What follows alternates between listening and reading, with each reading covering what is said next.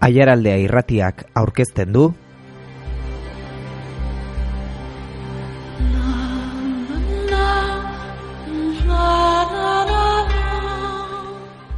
Klioren basoa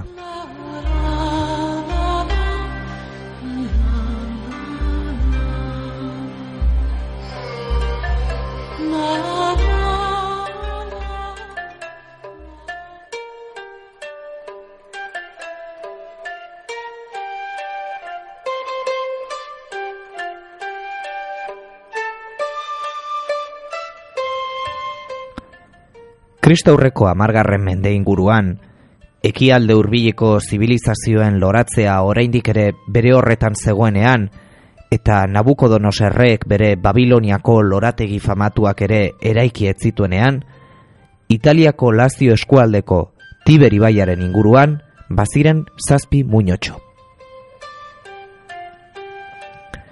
Muñoietako bakoitzean, erriskak eraiki zituzten hainbat tribuk eta handik pare bat mendera, tribu hauek elkarlanean aritu ziren euren muñoen artean kokaturiko Tiber ibaiak osatzen zuen zingira xikatzeko. Hala egin zuten eta ibaiari lapurturiko lurberri horren gainean Jupiterren omenezko lehen templu altxatu zuten. Baita bestein bat templu eta eraikin politiko ere. Hala jaio zen Erroma. Romulo eta Remoren Romulo eta Remoren kondaira hori da beraz, kondaira bat.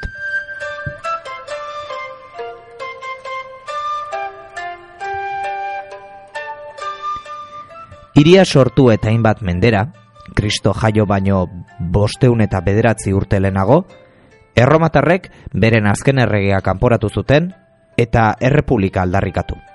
Erroma, SP, QR lelo famatuaren pean hasitzen azten. Senatus Populusque Romanus, erromatar senatua eta erromatar herria.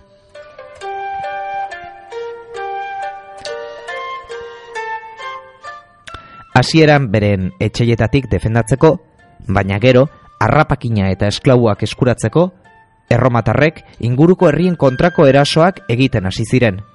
Eta horrela, Italiar penintxula okupatzen zuten gainontzeko herriak irentsi zituzten.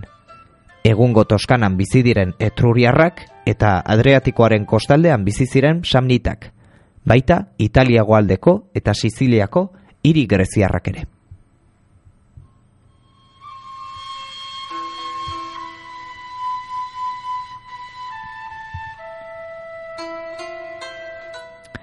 Euren konkista eta edakuntza prozesuan, Erroma Mediterraneoa kontrolatzen zuen etxai boteretsu batekin topo egin zuen.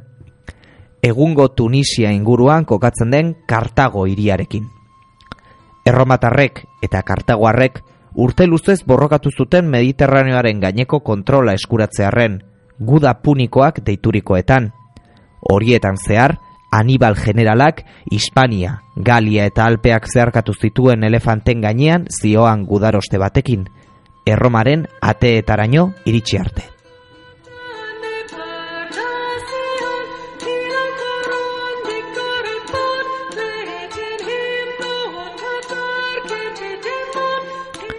Baina alere, lenguda honetan garaituak izan zirenak, kartagoarrak izan ziren. Sardinia edo takorsika bezalako guarte garrantzitsuak galdu zituztelarik. Horrexegatik, kartagok Iberiar penintxulan jarri zituen bere begiak, eta hala, egungo Andaluzia, Murtzia, Palentzia eta Kataluniako kostaldetan ezartzen hasi ziren Anibalen herrikoak. Erromatarrek baina Iberiar penintxula ere eskuratu nahi zuten eta Kartagoarren atzetik iritsi zen Erroma euren eurek Hispania deitu zuten horretara.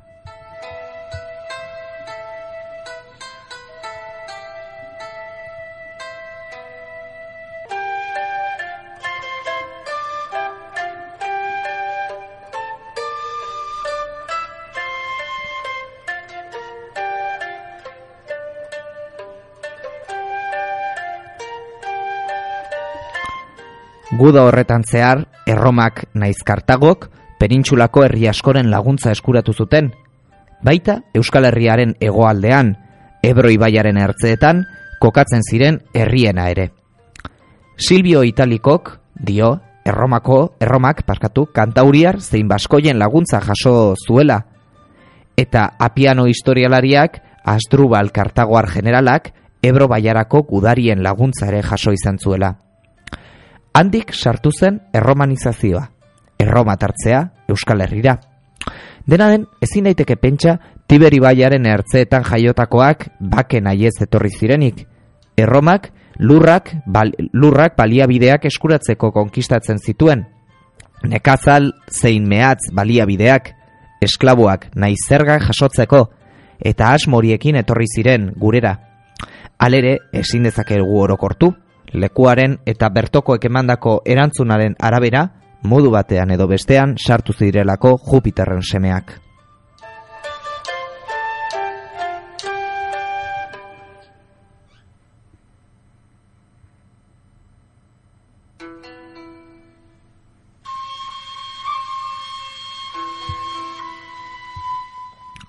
Piskanaka hegoaldeko gizarteak erromat hartuz joan ziren. Beste erligio, moda, pentsakera, ideia, hizkuntzak sartu zioa zenean. Berria zena eta bertokoa nahasiz joan ziren. Dena delareik ere ezin dezakegu erromanizazioa zere hitz egin. Erromatarrek ez zutelako hori buruan izan.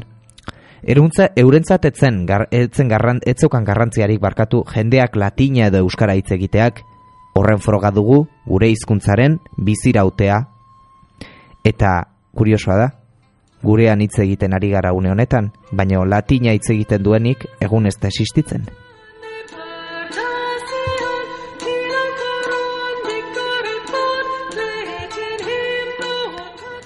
Duelan bi mila eta berreun urte, Euskal Herrira iritsitako erromatarrek, lehen iria eraikizuten kristo aurreko, zaz mila, barkatu, eh? eunda, irurogeita bederatzi garrenean.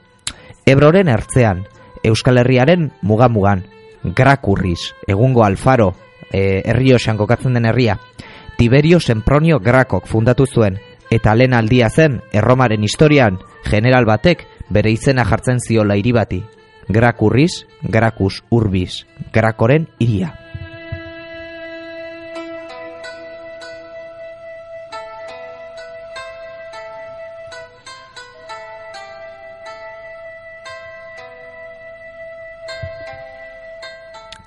Ebro inguruko baskoiek, erromatarrak lagunduko zituzten seguruenik, meseta aldean egongo gaztelan, erresistitzen zirauten herri zeltiberiarren nola numantziaren konkistan. Krista aurreko egun da hogeita amairu garrenean jasozena. Askoli eta kontebriako brontzeak deritzaien astarna arkeologikoak erromatar legioen eskuadra baten e, ba, bizitakoak frogatzen dizkigu bertan eskuadra horren izena eta kondekorazioak ageri direlarik. Bertako legionarietako hainbat, segiako iriko baskoiak ziren. Gudari baskoien aztarnak, Italia edota Eskozia bezalako lurralde urrunetan aurkitu izan dira baita ere.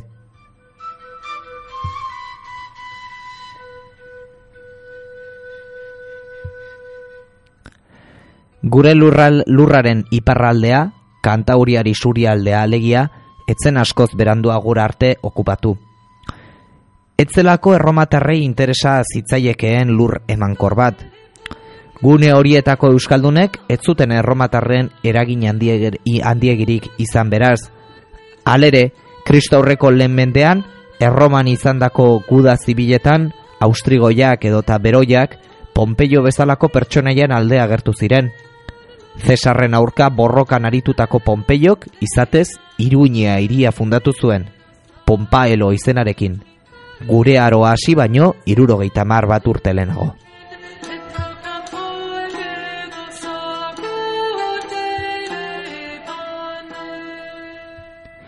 Kristaurreko geita bederatzi eta emeretzigarren urteen artean, Erromak Kantabriarren konkista bideratu zuen, Galiziatik bidasoara bitarteko eskualdeak bere ganatuz. Dena delarik ere, Euskal Herria guda horren operazioen periferian mantendu zen. Alere, bada gipuzkoan, beizama herriaren inguruan, ilaun izeneko mendi bat. Ustez bertan, barduliar eta erromatarren artean izandako borrokaldi batean, eun barduliar hil zirelako. Hil, eun, ilaun.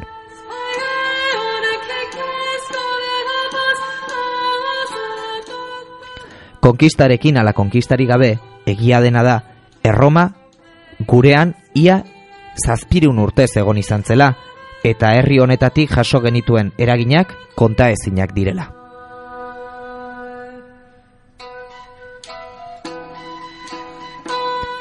Erromaren konkista gai bat da, baino erromak gurean bizi izan zituenak, erromak guri aportatu zizkigunak, eta Euskal Herria erromatar imperioaren menpe egon izan ziren zazpiren urte horietan zehar bizitakoak gertatutakoak, beste hainbat programatan e, nolabait hitz egiteko moduko gaiak ematen dizkigu.